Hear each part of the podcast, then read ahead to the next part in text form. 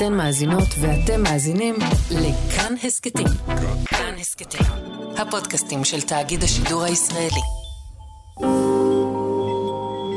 ישראל נגד יהודה.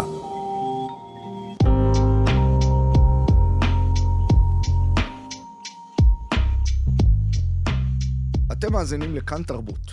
ישראל נגד יהודה. אנחנו נמצאים בימים סוערים ונראה שהקיטוב נמצא סביבנו כמעט בכל תחום.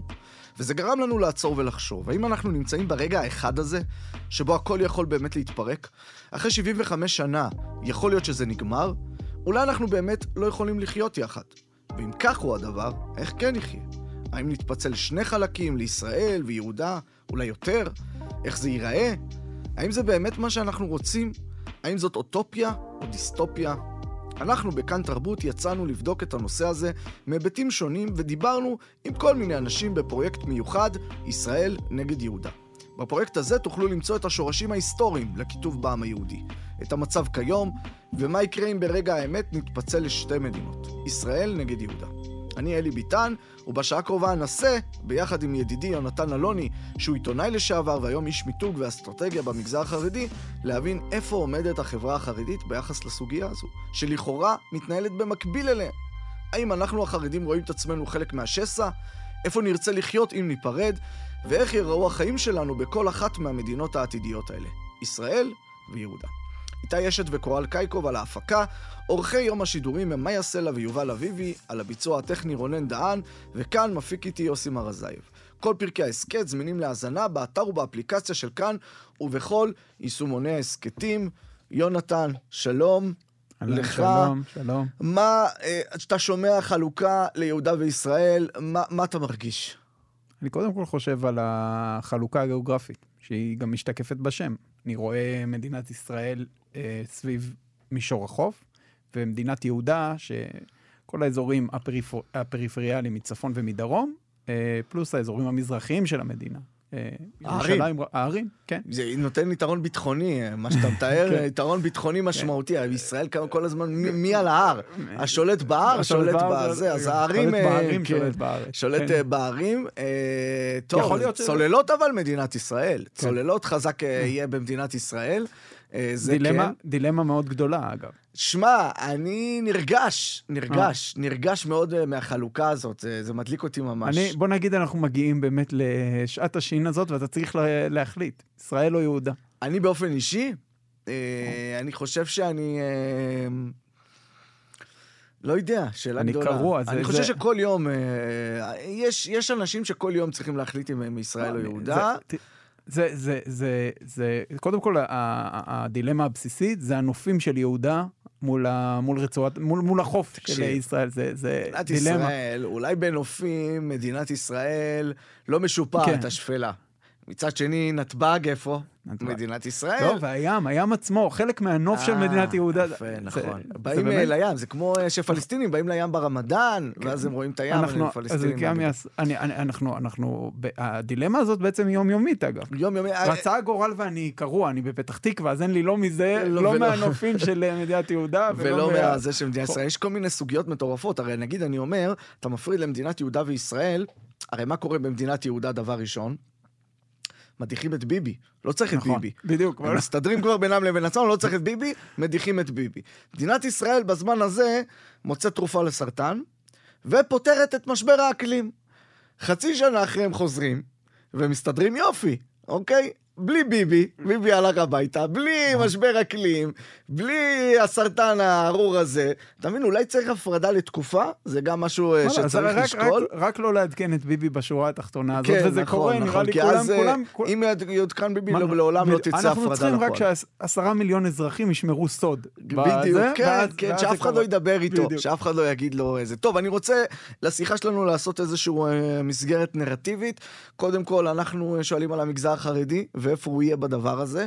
אז נשאל את השלוש שאלות. דבר ראשון, שאלה ראשונה, מה אומרים פרנסי מדינות ישראל ויהודה? מי מהם רוצה, רוצים את החרדים? מי מהם רוצה בכלל את החרדים?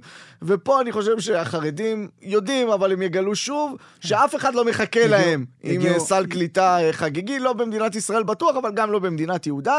הדבר השני יהיה, מה חושבים החרדים?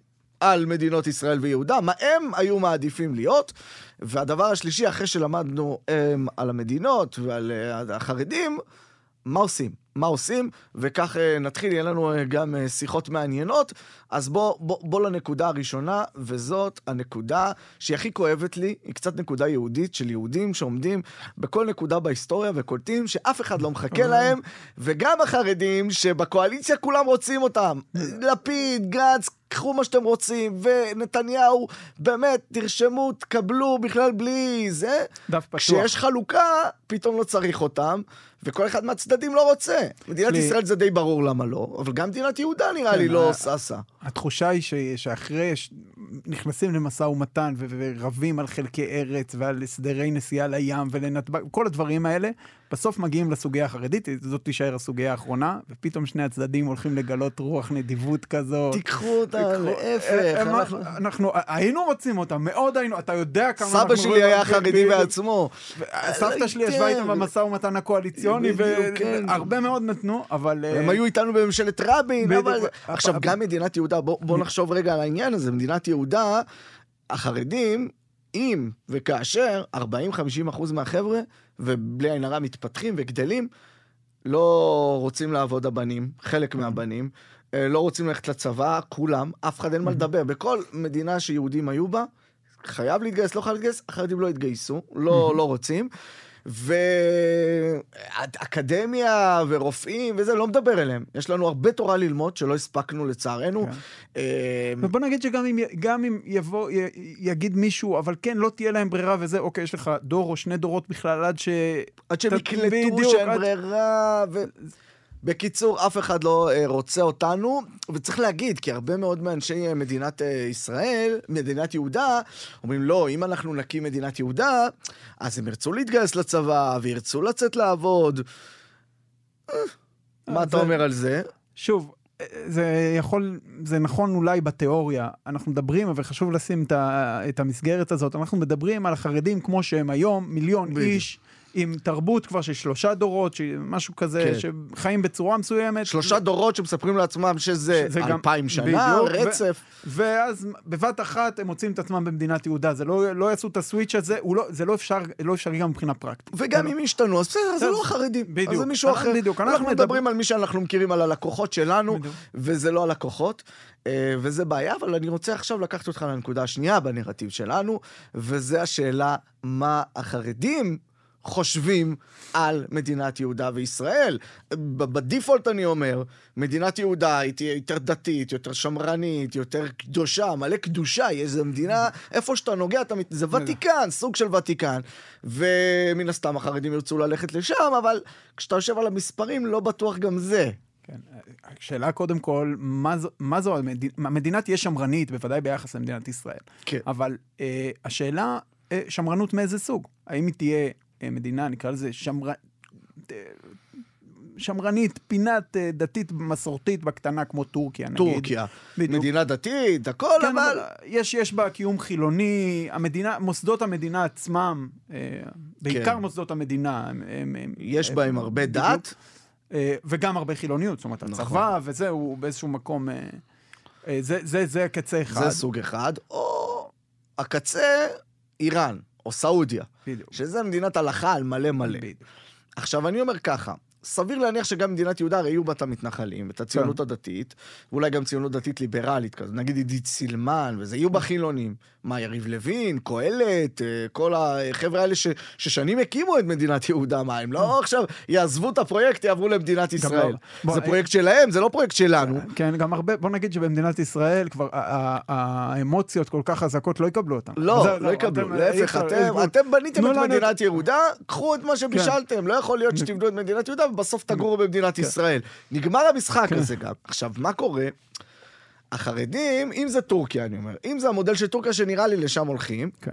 אז החרדים יגידו, תשמע, זה לא מספיק. כן. ואם זה לא מספיק, אז בלאו הכי שתי המדינות לא בסדר. אז בוא נבחר איפה יותר כיף. בדיוק. בוא נלך יש, לעניין התועלתני, נחזור לעניין התועלתני. בדיוק, זה, זה, זה הרבה, הרבה כאב ראש נחסך כך. כן. כי, כי ב, אם אנחנו מדברים על, על, על, על המודל, המודל של מדינת הלכה מלא מלא, אז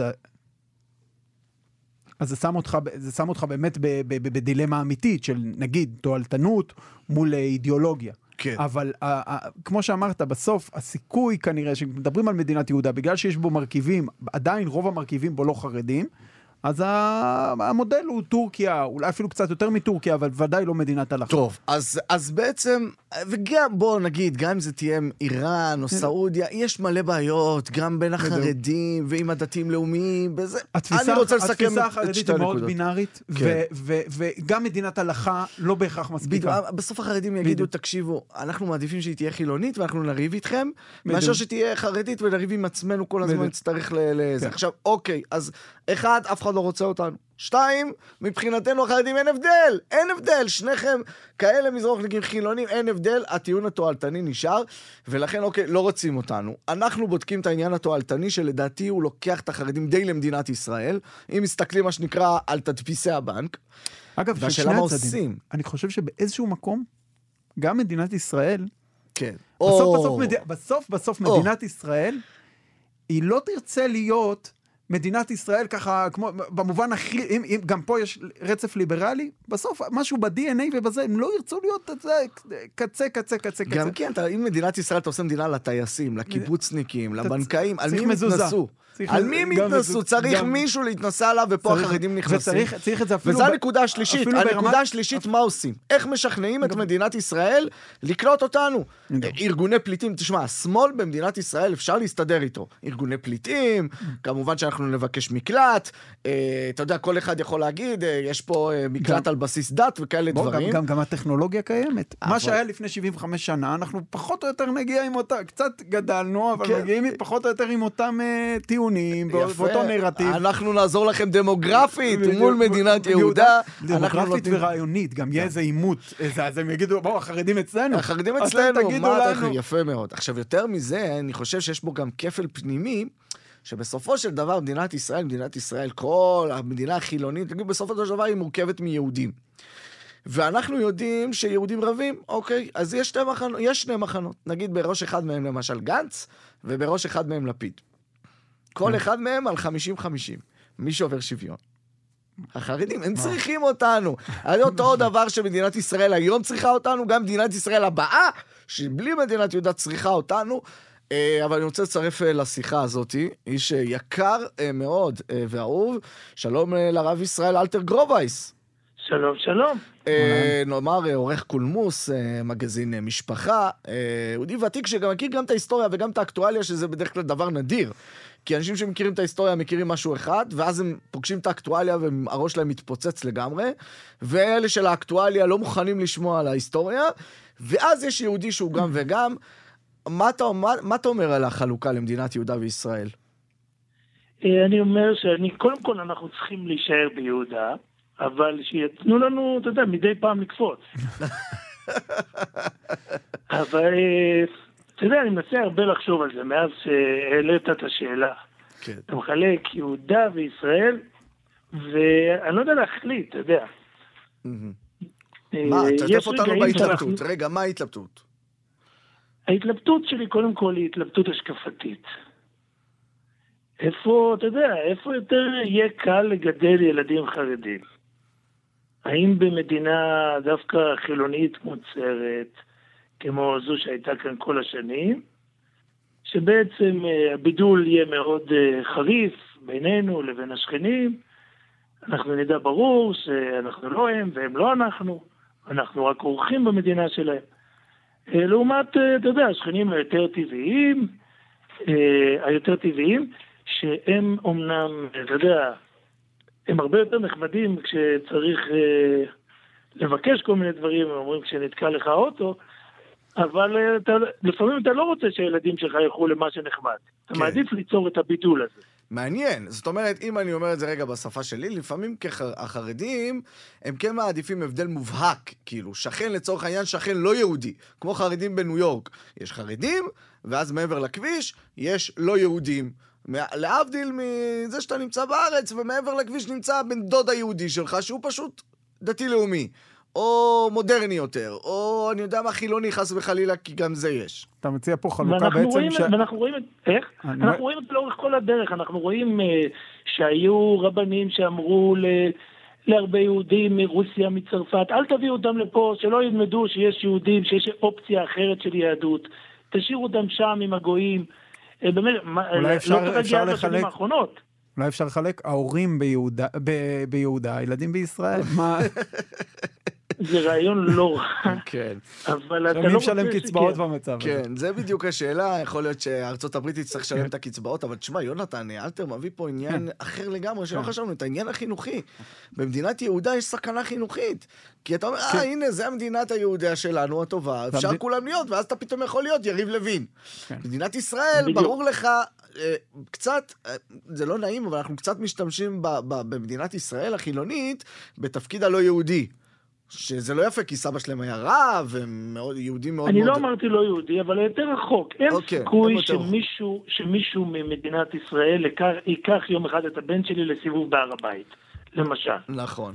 ובמדינת יהודה זה כל קורה. מיני דברים שהוא לא יעוות לו אף פעם את ההשקפה. הוא תמיד יהיה יותר מולו ונגדו. יותר מזה, אפרופו שאלה השקפתית, זה, אני נוגע במה שדיברנו על הכאב ראש. תחשוב, עכשיו מגיע מישהו ואומר, רגע, שנייה, יש לנו את הר הבית. אז אתה במדינת ישראל, אתה אומר, עזוב אותי, אני לא מתעסק בזה, וזו העמדה האורתודוקסית הרווחת, וזה נוח לכל הצדדים. אבל במדינת יהודה, שהממסד הוא דתי או מחויב להרבה, להרבה אלמנטים דתיים, יהיו תנועות משמעותיות ואנשי מפתח שיגידו, אוקיי, בוא נדבר על הר הבית. ולא כן. מפריע לי שלפני 40 שנה הרבנות הראשית של מדינת ישראל אמרה, אל תתקרבו ואל תעלו וזה, זה לא רלוונטי, השלטון הוא שלנו. אז... אני חושב שהמאזינים לא מבינים עד כן. כמה הר הבית מפחיד את החרדים. קודם בדיוק. כל זה אסור, אסור לעלות. להר הבית. העניין הוא כותל, הולכים לכותל. קודם כל מפחיד ואז אסור. ו-. כן, קודם כל, בדיוק. אז, אז אני אומר אסור, אבל Mm. הרבה יותר זה הוא מפחיד, כי מה הוא בעצם מסמל הר הבית? את העובדה שההיסטוריה, המציאות יכולה לשנות את ההלכה. זאת אומרת, once, ההלכה אלפיים שנה אומרת אסור לעלות, המציאות השתנתה, הריבונות, ששת הימים, 67, בוא נשנה את ההלכה. והאמירה הזאתי, היא מאיימת ומפחידה את הממסד החרדי אבל- מאוד. במדינת ישראל אף אחד לא יגיד לך בוא נעלה להר הבית, בוא נשנה את ההלכה. נכון, אבל, אבל, וכאן, עכשיו, מן הסתם, חלק מהמאזינים, מה זאת אומרת, אבל ההלכה כן התירה פה ושם, אבל זה בדיוק הפריבילגיה שלך, פריבילגיה כן. במובן שאתה במדינת ישראל, בסדר, יכול להיות שיש היתרים הלכתיים אה, יבשים נקרא כן. לזה, או שאתה במדינת ישראל ואתה חלק ממרחב מסוים וזה, אתה לא נכנס לדבר הזה הר בכלל. הבית כסימבול. בדיוק, בדיוק. אולי אני אוסיף, אולי אני אוסיף עוד מילה. כן.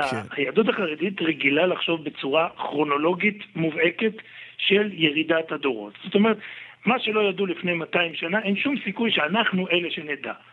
עכשיו, הר הבית כסמל, אה, אלה שעולים אליו אומרים, תשמעו, אנחנו יודעים דברים שכל אלה שלפנינו לא ידעו. עובדה, כי אנחנו פה.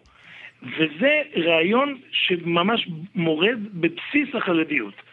אם אנחנו יודעים הכל, אז יכול להיות שאנחנו כבר צריכים אולי לחשוב על הכל מחדש, זה, זה, זה רעיון הכי רפורמיסטי שיש. כן. ולכן אנחנו נעדיף להמשיך לא לדעת, ולגור בישראל ולעלות אה, לשנקים בתל אביב, ולא לעלות להר הבית. אני, אני אגיד, אלי אמר מקודם, אה, בתחילת, ה, בתחילת התוכנית, אלי אמר, התועלתנות, זאת אומרת, השיקול התועלתני החרדי, אז אנחנו חושבים על השיקול התועלתני הזה במונחים חומריים, אבל השיקול התועלתני הזה הוא גם במובן הדתי הפרקטי. אידיאולוגי. זאת אומרת, משהו... פרגמטיזם, הפרגמטיזם היהודי זה החרדים. הפרגמטיזם כן. שלפעמים לוקחים אותו למחוזות הקלישאה ובהקשרים לא כל כך אמיתיים, אבל בעניין הזה הוא נכון, זאת אומרת, לא להגדיל ראש, זאת אומרת, יותר מדי. ב- במדינת יהודה יבואו, אה, אה, אני אומר את זה בחלוקה גסה, דתיים לאומיים שכביכול מחויבים לתמונה המלאה ולאמיתה של תורה, ולא, ובוא נפתח כל דבר, ואין אה, פילים בחדר ואין פרות, הכל, הכל על השולחן. ושאלה כמו, אה, כמו הר הבית, שוב, כסימבול, אוקיי, בוא נדבר על זה, יש לנו כוח.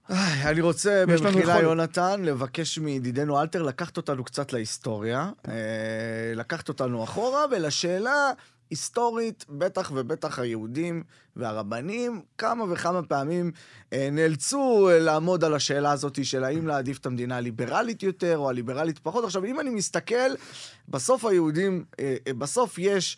Uh, הריכוז החסידי הגדול בעולם הוא בניו יורק, אוקיי? Uh, גם בתוך ארצות הברית החרדים הם בעיקר במדינות הדמוקרטיות ופחות ברפובליקניות, אבל, אבל, אבל גם היסטורית זה מעניין אותי אם הייתה התייחסות לעניין הזה. טוב, אה, אתה יודע, המקרה הראשון שקופץ לי לראש, זה דווקא המקרה במלחמת נפוליאון. למה לי לא. קופץ אף מקרה לראש, אתה מבין? זה אלתר, מקרה ראשון קופץ, לא קפ- קפץ, אני ש... אני קפץ לי מה שהוא רוצה כן. להגיד, אבל זה כי אני מכיר את אה, אלתר. רגע, אז מה... לא- אה, אתה מכיר את אלתר. מה זה- המקרה הראשון?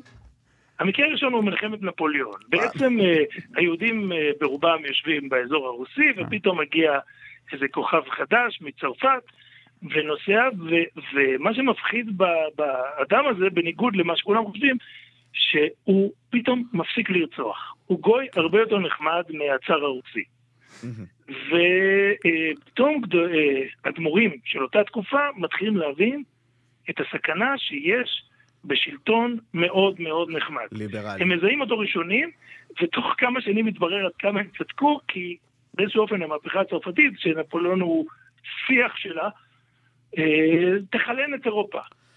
והם את אומרים- אירופה, ו- ו- ו- ואפילו... אה, אבל זה ייקח הרבה מאוד שנים, ותשליט איזושהי מגמה ליברלית על העולם כולו, והרבנים היהודיים הם הראשון, אולי, אה, צריך לא- להגיד, הם בשלב מאוד מוקדם כבר מדברים, האם עדיף לנו להיות תחת הצאר הרצחני, הרוסי, הרוסי לסבול עוני, ולסבול. קושי ואנטישמיות. או תחת אבל- נפוליאון, שהוא יותר בצד שלנו, זה- והוא גם רוצה להקים סנהדרין משל עצמו, הוא לא רק רוצה, הוא מקים. קונסיסטואר שקיים עד היום. אה, והאם אנחנו הולכים למקום שהוא כביכול יותר טוב, הוא נותן לנו שוויון זכויות מסוים. ואתה ממש רואה ש- שאתה יודע, אלה שנותנים את הטון בחברה החסידית נקרא לה, אה, ממש מעדיפים במוחצת את הצאר הרוסי, למרות שהם רואים בו קליפות יוון ו- ו- ועוד כל מיני דברים מיסטיים, הם ממש מעדיפים אותו, על פני הם נפוליאון. אומרים, אני אני כן, יכול להציק לך קצת אבל? כן, תציג. יכול להיות. מה עם העמדה שלהם? בסופו של דבר, הם חיו במרחב מסוים ששייך לצאר הרוסי בדרך כלל, והעמדה נגזרה מזה. אוי אוי אוי. הוא אומר את האמס. לא, אני אומר, יפה, פה, אמת פה. פה הניסוי הוא בתנאי מעבדה. זאת אומרת, יש מצב, החרדים אמרנו, בכלל משאירים אותם לסוף. הם הנושא האחרון של מדינת ישראל ומדינת יהודה, נציגים, ואז אומרים להם, אוקיי, ת- תבחרו. נגיד, הגיעו לזה שתבחרו. אף אחד לא יכעס עליהם. כן.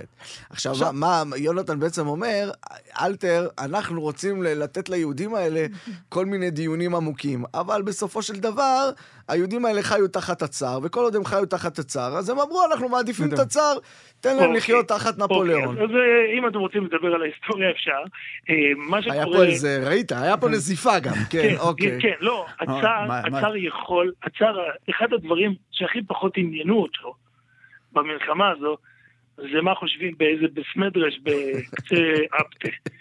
מה ש... מה, הוויכוח הזה הוא ויכוח אידיאולוגי, ויכוח שכמעט אין לו השלכות, למרות שסיפורים חסידיים כן יוצרים לו השלכות, עד, בעלתניה. עד, עד רמה של מישהו שמעורב ב- בתוך החדר של נפוליאון. כן, כן, כן, אבל- כן, זה דברים אה, מלאכים, Mhm. שכל אה, רבי משלח את אה, מלאכיו כן, בצר אבל שכנגד. הוויכוח הוא ויכוח אידיאולוגי, והוא ויכוח ש- שאם תרצו, הוא נמשך אחרי זה עוד הרבה הרבה שנים.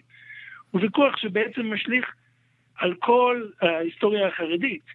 אה, אתה יודע, אני עושה קפיצה של איזה 150 שנה קדימה, יותר, ומגיע לפולין. כשאגודת ישראל, אה, פולין זה מקרה, מבחן מאוד מעניין, כי שם החרדים הם די קבוצה מאוד גדולה, והחילונים, הבונד, הקומוניזם, המפלגות הללו גם גדולות, והציונים כמובן, הציונים של גרימבו, משחק גרימבו, ו, אה, ואז נוצרת איזושהי ברית, ויש משהו שממש מזכיר את מה שקרה פה בשנים האחרונות בין הרשימה הערבית המשותפת לבין רע"מ. כן. זאת אומרת, בעוד שכל, יש- להבדיל כמובן, בעוד שכל המפלגות היהודיות רצות ביחד, אגודת ישראל רצה איתם פעם אחת, מגיעים להישגים מדהימים בתוך הסיים הפולני, אבל מבחירות אחרי זה, שזה 27, 1927, אה, בוחרים, אגודת ישראל בוחרת להתנתק מהגוש היהודי נקרא לו, וללכת עם המפלגות הפולניות. כן. ושוב, אתה שם לב תמיד, יהודים בהרבה מקרים יעדיפו להיות בין גויים, ו- וזה לא העניין של הגויים. אז אני רוצה להיות- לאתגר קצת, אני רוצה לאתגר, יש עוד מקרה שדילגת עליו, שזה מפלגת מחזיקי הדת בתוך המרחב האוסטרו-הונגרי, שזה מקרה נכון. שמאוד מאוד קרוב לליבי, וגם אה, עופרי לניגי הזכיר אותו אה, ב- בהארץ לפני כמה שבועות. שיש שתי צורות אה, פרשנות. באמת היהודים העדיפו ללכת עם הכמרים ועם האנטישמים, ולא עם היהודים הליברליים. העדיפו יהודים נכון. ליברליים, שהיהודים הליברליים הסבירו את זה בתור, הם מעדיפים את השמרנות, גם אם יש בה סכנה, מאשר את הליברליות. אבל יש כאן גם צד אחר. הם מעדיפים חיים עם מי שנמצאים איתו בקונפליקט ברור, מאשר חיים עם מי שנמצא איתו בקונפליקט פחות ברור. והיהודים הליברליים, שנגדם רצה מחזיקי הדת בתוך ה... אה, איך זה נקרא שם? באימפריה האוסטרו-הונגרית. לא, זה היה כן. האימפריה האוסטרו-הונגרית. ואחר כך הסיים הפולני והחרדים שרצים עם הסיים הפולני ומכניסים רבנים מאוד חשובים, הם רצים בסופו של דבר נגד החרדים שדומים להם. זה אפילו לא ציונות דתית, נגד חרדים שדומים להם, ואומרים, אני לא רוצה את החרדי שדומה לי, תן לי את ה... אה, אה, אה, לא, את הלא יהודי שהוא ממש עוין אותי ואני באמת אריב איתו והוא ירצה להרוס לי את הבית כנסת ואני אנסה להרוויח ממנו משהו ולא יהודי שיגיד אוקיי אני שם לך בית כנסת אבל ליד שם לך בית כנסת רפורמי. מדויק, אתה בעצם מחזק את דבריי. מה שאני אומר, אוקיי. שיותר יותר קל לחרדים בכל המובנים להיות, שה- שהשאלה תהיה מאוד מובחנת. לא שנצטרך לדייק אותה בחצי סנטימטר, ושאנחנו רואים היום את המבוכה שיש לנסות להסביר למה סמוטריץ' הוא שונה מ... בעצם, בעצם. בעצם מה שאתה אומר זה נשבר עם החיבור של החרדים לימין. זאת אומרת, החיבור אה, 30 שנה אחורה, או מתי שנאום השפנים, פחות או יותר שזה כן. קו פרשת מים בהיבט הזה, דווקא שם זה נשבר. כאילו, דווקא שם אמרו, אוקיי, החרדים הולכים עם... עם המסורתיים שיותר קרובים להם, ויותר, למרות ששם דרוש יותר חידוד ובידול כל הזמן. עכשיו אנחנו בקצה של זה כבר. אבל... אני מסכים לגמרי מה שאתה אומר. אה, נאום השפנים הוא, אני חושב, כמעט הרגע היחיד שבו נאמרת אמירה מפורשת הפוכה. אני רוצה להגיד משהו על נאום השפנים. או גם אני חושב שאני מתחבר למה שאתה רוצה להגיד. אוקיי, כי אני רוצה לאתגר את, את, את יונתן בנאום השפנים. קודם כל, נאום השפנים הגיע רגע לפני שהחרדים הולכים עם השמאל לממשלת אוסלו. עכשיו, החרדים יגידו, "אה, זה ש"ס, זה לא ש"ס, זה פה, זה משחקים. שנייה לפני, ה, אה, נגיד, האתנן הגדול ביותר שהחרדים נותנים לשמאל עד היום, כן? מקום המדינה כן. עד היום. אולי חתימה על מגילת העצמאות, שתי חתימות, נתנו את אוסלו, אחרי זה הם היו גם זה היה אולי 99 הביטוי, בפנים. הביטוי הכי. קיצוני לתן לי- אבני וחכמיה. וזה קורה בדיוק, אני, אני... וזה קורה שנייה אחרי נאום השפנים. כן. לא אפילו לא מחכים חצי שנה, זה ממש כן. קורה אחרי, לא הרב שך עצמו, אבל- שכבר לא כל כך, אבל כן תלמידיו. וכן המפלגה שהיא המפלגה החרדית הגדולה ביותר, כעבור שבע שנים, גם תלמידיו של הרב שך, גם דגל התורה נכנסת לקואליציית אה, ברק ב-99, שגם מנהל משא ומתן על ירושלים. ואתה מדלג פה על התרגיל המסריח, שבו שוב פעם כן, כן, החרדים כן. מנסים. ל- ל- לחבור לשמאל. זה. זאת אומרת האמירה הזאת, אבל אני רוצה להגיד שיש איזשהו משהו אה, בנאום השפנים שהוא לא היה נאמר אם זה היה מובן מאליו. לא, בוודאי. ותמיד אז- אנחנו, אני עושה קצת דקונסטרוקציה לד- לדברים. זאת אומרת, הרב שך בא לאנשיו ואומר להם, צריך לשכנע את אנשיו ללכת, והוא מביא את השפנים ואת החזירים, כדי להגיד לאנשים שאומרים, בשביל מה אנחנו צריכים את, ה- את הימין. אני אהיה קצת יותר בוטה. אני אהיה קצת יותר בוטה. אני אהיה קצת יותר בוטה. מש- מש- משלושתנו כנראה שאני היחיד שלא היה אז בצד של הרב שך. כן. לא, ו- ספציפית הייתי אז, אתה יודע, בן שנה, כן, כן. אבל כן, כבר יכולתי, אבל כבר... אני לא אה, הייתי, אבל- כולנו עמדנו בהר סיני וכולנו ש- שרנו יומים כן. בזה. הנה. זה עוד דבר. אם אתה שואל אותי איפה אני רוצה להיות, אז בערבי בחירות, רק במדינה שבה יהיו חרדים. כן, כי. במדינה השנייה זה סתם לא, לא יהיה ממש. אבל למה אני אומר את זה? כי באותו, במערכת הבחירות ההיא המפורסמת של, אה, תגיד, אני בכלל לא יודע מה הייתה השנה הלועזית אז, אני יודע שזה היה תשמ"ט, כן. כי זה מה שחשוב. 89. ובאותה מערכת בחירות הייתי ילד 89, קטן, אבל כן. אבא שלי לקח אותי לתלות ביחד את השלט. אני עוד לא ידעתי כנראה לקרוא את האות שעליו, אבל כבר תליתי את השלט. אתה מבין, זו הפעילות הפוליטית הראשונה שלי. חינוך, כן. חינוך לאקטיביזם. ומה, ש... ומה שאני רוצה להגיד, היה פעם, לא היה, יש יהודי אחד, אמריקאי, קוראים לו הנרי קיסינג'ר, כן. והוא דיבר עדיין על קיים, כך, ל- ל- להוותנו, כן.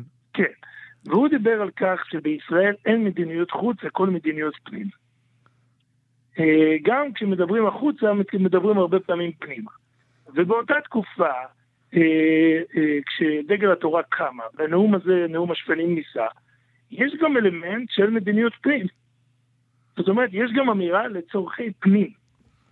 זאת לא כל כך אמירה ש, שיועדה לאוזניים חילוניות, זה כן, האמירה הזאת יועדה לאוזניים השמאליות. לא לאוזניים הימניות. אה...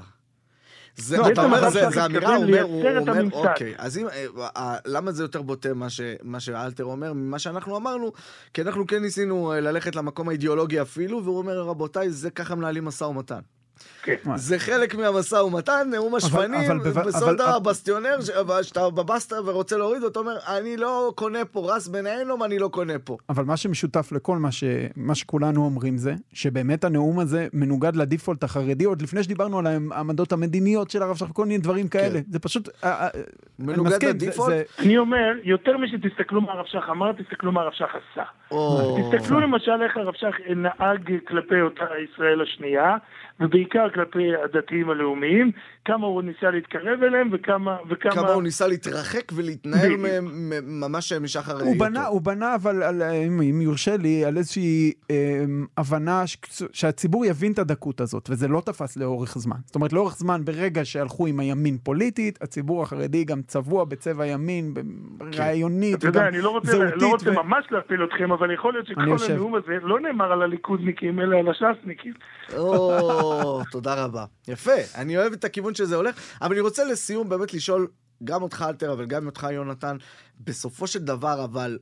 אבל בתכלס, אנחנו במדינת יהודה, זאת אומרת, בתכלס, השבת והגיור והנישואים, גירושים, והבתי דין הרבניים, והתקציבים לעולם הישיבות, ומי אומר בעזרת השם ומי לא אומר בעזרת השם, כל הדברים האלה קטנים בעיניכם? אלתר. הפוך. הפוך, אני חושב שאם אנחנו נתחיל לריב על הדברים האלה, זאת אומרת, אם כל מה שנעשה במדינה יהיה לריב על הדברים האלה, זה ייגמר רע. עדיף שהמריבות יהיו על השאלות הגדולות, כן שלום, לא שלום, ובינתיים אנחנו נכפיף את הרבנות ונטפל בה כמו שאנחנו רוצים, מאשר שהדיון יהיה על הרבנות, איך היא צריכה להתנהל, האם כמו צוהר, האם וכולי. כן. אני מעניין, רוצה להתחבר כן. רגע לעניין של אה, אנחנו במדינת יהודה. אה, באמת לפעמים, אמרת, אין, מד... אין, אה, הזכרת את זה שאין מדיניות חוץ, יש רק מדיניות פנים, אז גם הרבה פעמים אין מבט מבחוץ, יש רק מבט מבפנים. אה, ה- ה- ה- מדינת ישראל היא כל כך, מבחינת ה vibe, ההוואי, ה-DNA, אני לא יודע. זה שחי... עוד לפני שמדברים על חקיקה, על זה, בשישי שבת, שישי שבת, לוח השנה, כל הדברים האלה, בסופו של דבר, אה, אה, אולי חרדים שלא חיים פה יודעים להעריך את זה. כן. רק להבין כמה זה מדינת יהודה ביחס לכל מדינה גנרית. גם בעולם. מדינת ישראל מדינת- ביחס אה, לעולם עם מדינת יהודה. וגם מדינת יהודה ביחס למה שצריך עם מדינת ישראל. אלתר גרובייס. אלי, אלי, אלי, עוד כן. שאלה אחת. כן, כן, כן. האם בליל שישי אה, האוטובוסים ממדינת ישראל למדינת יהודה ימשיכו לנסוע? הם יבואו לאכול אצלנו צ'ונט? אני חושב שכן, והעוקץ החרדי ימשיך לדעתי. משרד, לא, אני חושב שמשרד התיירות של מדינת יהודה יסדיר את כל עניין הסיורים, כן, כי יפה, יש פה איזה נכון, בוננזה נכון, רצינית, נכון. אבל אולי זה אחד ממקורות ההכנסה המרכזיים. אז- של- זה לא, תראה, בסופו של דבר ככה נאמר, כשמדינת ישראל ירצו שנייה. לנסוע למדינת שנייה, יהודה, ה- היקבים הטובים גם אצלנו כנראה, אוי, גם במדינת יהודה. ברור. ואז כן, תשמע, גם אם מבין? חלוקה. יש סיורי אני גם טעימות, אומר, אלתר בכלל, אמרתי גם ליונתן, תחשוב שמדינת יהודה קמה, וכל הקצינים, והקצונה הבכירה, והמטכ"ל, וראשי מערכת הביטחון, והטייסים, ו-8200, הם כולם במדינת ישראל, כמו שאנחנו רואים בימים אלו. ומדינת יהודה נשארת בלי כל הקצונה הבכירה, והחיילים, והיחידות המובחרות, מה שהם קוראים. ו-40-50 אחוז חרדים שלא רוצים לעשות צבא, לא משנה מה. אז אתה נשאר בלי צבא, אוקיי? והפלסטינים עדיין פלסטינים. הסכסוך עדיין קיים. חוזרים, מדינת יהודה חוזרת לנקודת ההתחלה, אין לה ברירה אלא לעשות שלום עם הפלסטינים. הולכים, הולכים להגשים... אתה בלי צבא. עכשיו, מדינת יהודה עושה שלום עם הפלסטינים, ומגשימים את חזונו של הרב זוננפלד. תוך כדי שאתה מציג את זה, אני ממש מוטרד על הנושא, מה יהיה באמת עם תנועת התשובה? הרי כל טייס שני אמור לחזור לך בתשובה. תנועת התשובה זה בעצם תהיה הסוכנות היהודית אה, של אה, זה, נכון? כן. אז הם עושים עלייה?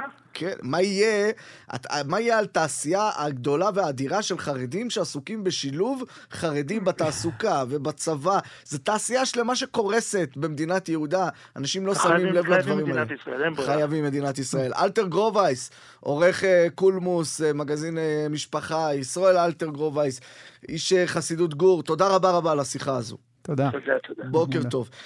יונתן, מה, איך אני, אה, אני, אני, אני יוצא פה, אני, אני יוצא פה בתחושות קשות. אני, העניין הזה של ההפרדה מאוד מאוד הדליק אותי.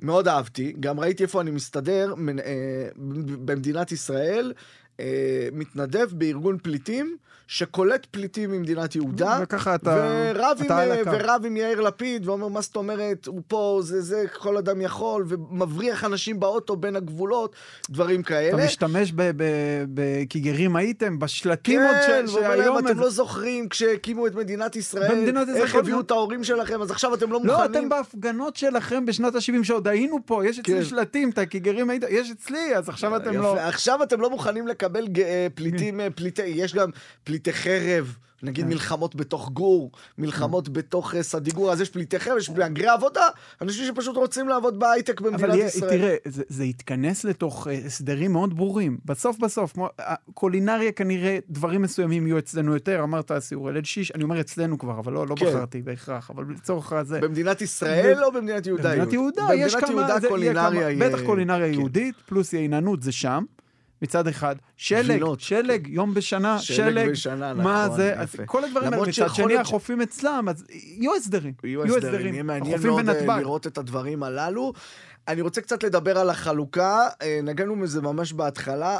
החלוקה היא טריטוריאלית, אמרת אה, הערים למד... ליהודה, השפלה והים למדינת ישראל, הנוף ליהודה, הים אה, לישראל. אה, החלוקה אידיאולוגית. אבל אני רוצה להגיד שיכול להיות איזשהו מודל של חלוקה יותר מורכב. אנחנו, בגלל ש- שאנחנו מגיעים מאירופה, תמיד חלוקה, אנחנו, אני כן. ספציפית לא מגיע מאירופה, נסעתי כמה פעמים לכל מיני משחקים חשובים, אבל אני אלפי שנים ב... בצפון אפריקה, אבל החלוקה אבל באירופה... קרוב, זה הרבה יותר אה, מערבי מזה. או, כן, יופי, זה החרוזים לא, שמזרחים מאוד אוהבים.